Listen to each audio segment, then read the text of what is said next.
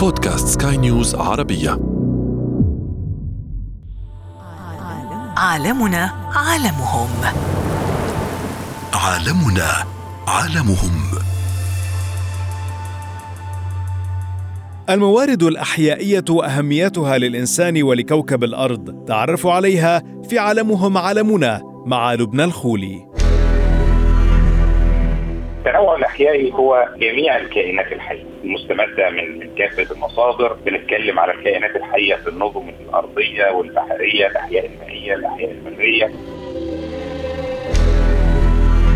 سنة 2010 في مؤتمر الأطراف اللي عقد في ناجويا في اليابان وسمي ببروتوكول ناجويا للتقاسم للحصول على الموارد الأحيائية والتقاسم العادل والمنصف للمنافع الناشئة عن استخدامها. كلمات من الطبيعة لها الكثير من المعاني والأدوار التي تفيد الإنسان والكائنات الحية. الحيوي وظائف الكائنات الحية والأحيائي من كلمة أحياء. هي الكائنات الحية وكيف تتفاعل مع الإنسان وعلى كوكب الأرض وما هو دورها مع كل الكائنات الحية. نتعرف على الأمان الحيوي وإدارة المخاطر البيولوجية. الموارد الأحيائية هي الثروات الطبيعية على كوكب الأرض التي تمثل 70% من الاقتصاد العالمي. ولكن أين تتواجد هذه الموارد الطبيعية؟ ومن يستغلها؟ وهل استغلالها يتم بتوزيع عادل ومنصف دعونا نلقي نظرة في عالمهم عالمنا. السكان المحليون يستخدمون الموارد الطبيعية والدول الأخرى تستغل جزءا كبيرا من تلك الثروات دون توزيع عادل ومنصف. على سبيل المثال الكثير من النباتات كالتي تستخدم في تصنيع الأدوية لعلاج السكر هذه النباتات موجودة في بعض الدول الإفريقية وتستغلها دول كبرى صناعية دون توزيع عادل. ولذلك كان هناك حاجة إلى اتفاقيات دولية تضمن التوزيع العادل والمنصف لتلك الثروات الطبيعية. وهنا نتحدث عن اتفاقية التنوع البيولوجي أو بروتوكول ناغويا باليابان يمثل تحالفا عالميا لحماية الحياة على الأرض. ويضع أساسا لنظام اقتصادي وبيئي دولي مبني على احترام تنوع الطبيعة لإدارة وتوزيع الثروات الطبيعية والتقاسم بين دول المنشأ أو التي تحتضن المورد الحيوي والدول الكبرى الصناعية المصنعة لها. الأرض بكل خيراتها ينتفع بها الإنسان والكائنات الحية والأهم الحفاظ على الثروات واستغلالها بشكل يحافظ عليها من النضوب. عالمنا عالمهم. عالمنا عالمهم. أهلا بكم مستمعينا الكرام على كافة منصات سكاي نيوز عربية. في برنامج عالمهم عالمنا. سيكون ضيفنا في هذه الحلقة للحديث عن الثروات الطبيعية والموارد وعلاقتها بالحياة على كوكب الأرض. دكتور لؤي السيد أحمد استشاري التنوع البيولوجي والحياة البرية ومدير برنامج الأمان الحيوي. أهلا بك دكتور لؤي. وحديثنا اليوم سيكون عن الثروات الطبيعية. إذا بدأنا اولا دكتور لؤي عن مفهوم الموارد الإحيائية وعلاقتها بالاقتصاد العالمي وأيضا الفارق ما بين الإحيائي واللا احيائي وأيضا من جانب آخر الحيوي. من المهم طبعا ابتداء إن إحنا نوضح ما هو التنوع الإحيائي أو ما هو الفرق بين استخدام كلمة الإحيائي وكلمة الحيوي، التنوع الإحيائي هو جميع الكائنات الحية يعني بشكل مبسط يعني وهناك تعريف طبعا متواجد يعني اللي هو تباين الكائنات الحية المستمدة من من كافة المصادر. بنتكلم على الكائنات الحية في النظم الأرضية والبحرية الأحياء المائية الأحياء البرية آه وتداخلها ما بين بعضها البعض. يعني التفاعلات اللي بتحصل بينها وبين بعضها البعض. فالكلمة الاحيائي دائما اللي هي التواجد الحي يعني وليس الاحيائي الاحيائي الإحياء لله عز وجل. لكن الاحيائي هي كل النظم الكائنات الحية يعني بشكل مبسط كده هي الكائنات الحية. بينما كلمة آه كلمة إحيائي أو كلمة حيوي هي كلمة بتشار للوظائف والأنشطة اللي بتقوم بها هذه الكائنات الحية. يعني يعني مثلا بنقول التنوع البيولوجي مثلا أو التعريف بتاعه هو التنوع الإحيائي اللي هي الكائنات الحية. بينما الأنشطة والوظائف اللي بتقوم بها هذه الكائنات هي التنوع هي ال- ال- كلمة الحياة يعني على سبيل. المثال عشان تبقى الصورة واضحة مثلا بنستخدم كلمة ال ال ال الأمان الحيوي مثلا في الإجراءات اللي هي بتتبع لتجنب الاتصال غير الضروري بين الكائنات الحية سواء إنسان أو حيوان وبين الميكروبات وبين الفيروسات أو إدارة المخاطر تنوع الأمان الحيوي أيضا هو إدارة المخاطر البيولوجية والبيئية في في في وسط معين أو في طبيعة معينة. آه، أحيانا بنستخدم كلمة محميات المحيط الحيوي والإنسان اللي هي المحميات اللي بتدار بطريقة بيئية. فكلمة حيوي دايما بتضاف أو بت- بتكون متصلة بالأنشطة والوظائف بتاعت الكائنات الحية. إنما التنوع الأحيائي بيكون هو الكائنات الحية نفسها. مم. يعني تفاعل هذه الكائنات صحيح. مع بعضها ال- ال- البعض. آه، ده يمكن ال- ال- الفرق. الهام بين الاثنين صحيح آه، هذا هذا التنوع الأحيائي هو الحياة على كوكب يعني هو حقيقة الحياة على كوكب كلمة الحياة مستمدة برضه من كلمة إحيائي اللي هو الحياة على كوكب الأرض تفاعل الكائنات بينها وبين بعضها تفاعلها مع الإنسان آه، دورها ال- ال- اللي تقيم به هذه الكائنات الحية آه، نشأ منها مصطلح الموارد الإحيائية. مصطلح الموارد الإحيائية يمكن نشأ عن هذه ال- ال- الكائنات واصبح مصطلح مستخدم بشكل كبير جدا آه، لأن ال- ال- هذا التنوع ليس فقط مجرد تنوع موجود إنما هو موارد وكلمة موارد زي ما إحنا عارفين كلها فبنتكلم على قيم لهذه الكائنات الحيه.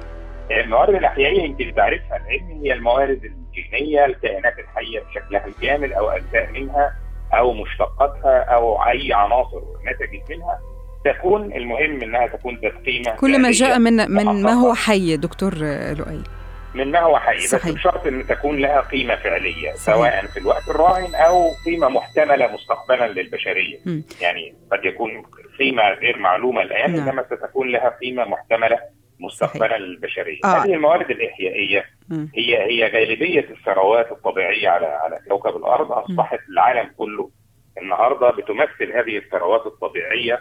آه، قيمة كبيرة جدا في الحياة على كوكب الأرض كيف تم استخدام هذه الثروات الطبيعية والموارد ال- الإحيائية عبر عبر العصور؟ ابتداء أنا يعني حبيت أقول إن هذه الثروات الطبيعية. التنوع الإحيائي والأصول الوراثية والموارد الجينية بتمثل في الوقت الراهن آه، ما يزيد عن 70% من الاقتصاد العالمي وهذا بال- بالأرقام حتى سنة 2020 يعني في مؤتمرات الأطراف الخاصة بالمنظمات. الدولية الكبيرة لو بنتكلم على منظمة التجارة العالمية أو بنتكلم على منظمه الصحه أو بنتكلم على الفاو ومنظمة الغذاء. العالمية ومنظمة الصحة الحيوانية اللي هو هي أصبحت الموارد ال- ال- الأحيائية آه، هي آه، بتشكل 70% من الاقتصاد العالمي إذا كنا بنتكلم على 15 تريليون فهي بتشكل 70% منه سواء في مجال الغذاء أو الأدوية أو المستحضرات التجميلية أو صناعات التكنولوجيا الحيوية آه، كل هذه الصناعات أصبحت آه، من الصناعات المهمة جدا اللي بتدخل بيها آه، هذه الحاجات. على سبيل المثال الحصر يعني. بنتكلم في cosmetics حاجات التجميل مثلا المستخرجة من bio product من product حيوية أو أحيائية بنتكلم على 230 مليار آه، دولار سنويا. ال- ال- ال cosmetics اللي هي مصنعة ال natural cosmetics مباشرة بنتكلم على 120 دولار 120 مليار مليار دولار ال- ال- الاستخدامات الدوائية بنتكلم على 350 مليار استخدامات الأدوية المباشرة بنتكلم على 3 مليار ال ecotourism أنشطة السياحة البيئية مرتبطه برضه. بالموارد بنتكلم على 25 مليار فلو شفنا الأرقام دي هنعرف أهمية هذه الموارد على كوكب الأرض. التطور التاريخي لهذه الأشياء هذه الموارد موجودة مع الإنسان من من قديم الازل. ولكن كانت آه، تستخدم. بشكل مختلف يعني طبيعي عن تمام. العصر الحديث الذي نعيش فيه معظم الموارد الأحيائية كانت موجودة في آه، يعني بشكل مبسط كده في نص الكره الجنوبي، يعني. ليه؟ لأن ال- ال- الوضع المناخي والعوامل المناخية وطبيعة نصف الكره الجنوبي يعني بنتكلم على قارة آه، جنوب آسيا كلها وجنوب. شرق آسيا والدول العربية وأفريقيا وامريكا اللاتينية. هذه نص الكرة الجنوبي يمتلك 80% من الموارد الطبيعية على كوكب الأرض بحكم الحياة البرية بحكم الغابات بحكم ما تحت خط الاستواء. آه آه ما تحت.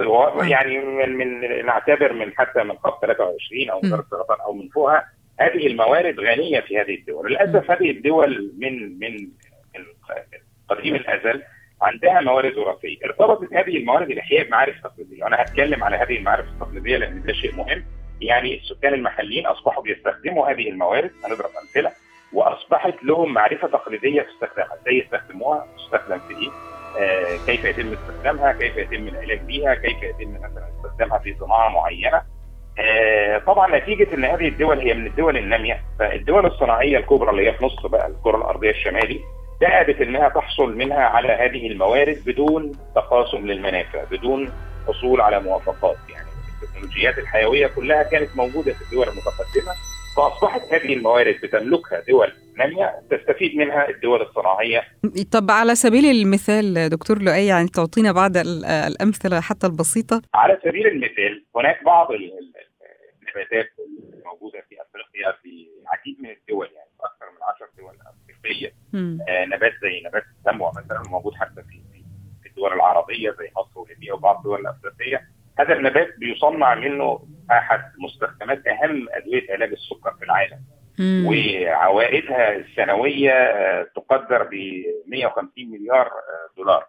آه هذا النبات معرفته التقليدية يعني عرفوا منين الدول المتقدمة إنه بيستخدم في السكر في علاج السكر من السكان المحليين. آه. يعني السكان المحليين في, القدم في الكاميرون وفي زئير وفي مصر وفي ليبيا كان معروف هذه المعرفة. هذا المنتج أخذ وبدأ يصنع منه بدون أي تقاسم مع هذه الدول. الحاجة الثانية على سبيل المثال للحصر يعني أحد المنتجات المستخدمة في علاج ضعف النمو أو أو حتى في علاج بعض الأمراض الجلدية مستخرجة من معرفة تقليدية موجودة على حصلوا عليها من جدران المعابد عند المصريين، يعني لقوا المعرفة نفسها مكتوبة إزاي يستخدموا جنين الانف إزاي إيه هي الطريقة البروسيسنج اللي يتعمل بيها جنين الانف بحيث يطلع منتج. وبتصنعه شركة ويصنع منه أدوية. بدون فكرة. آه ويصنع منه أدوية. يطلع منها منتجات منتجات غالية جدا. يعني آه. هي بتتباع دلوقتي آه. جنين القمح. هذه الأم... آه. آه بس بس بس استخدام معين يعني آه. الاستخدام التقليدي اللي الناس عارفاه. بتطلع منها حقن أمبولات بتتباع الحقنة الواحدة ب 2000 دولار. يعني مم. يعني وبتعالج أمراض خطيرة يعني بتعالج أمراض نقص النمو والطاقة وهي شركة محتكراها احد الشركات الأوروبية آه بتبيع هذا النوع بدون تقاسم يعني, يعني عرض في مؤتمر الأطراف اللي كان معقود في البرازيل سنه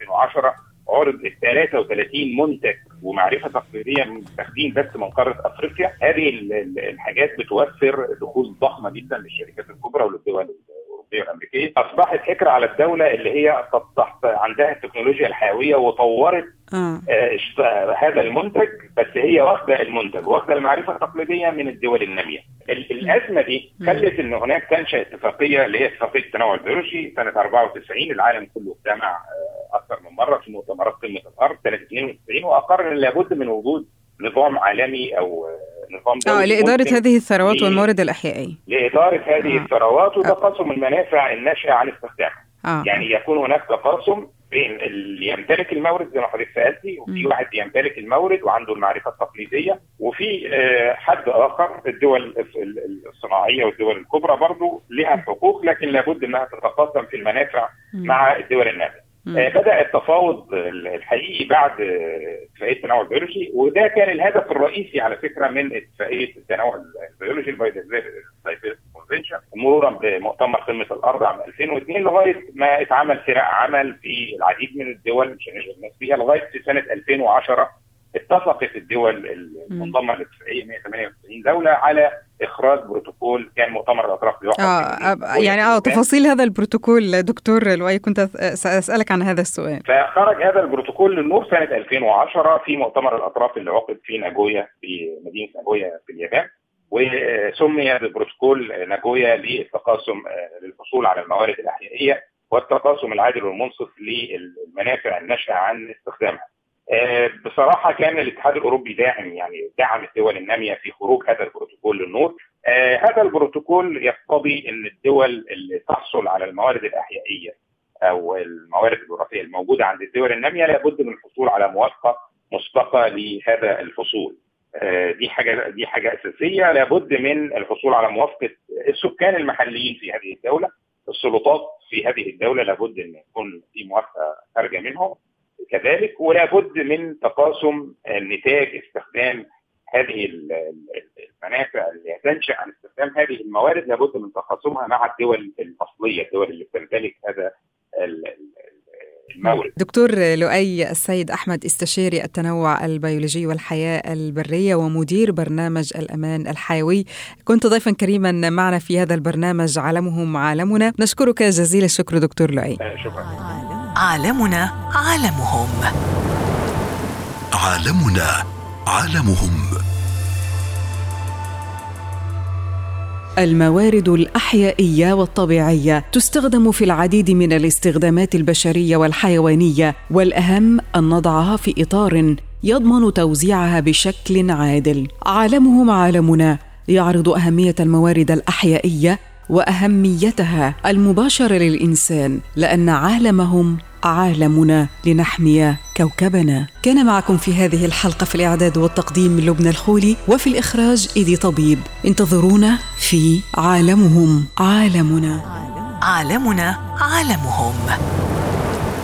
عالمنا عالمهم.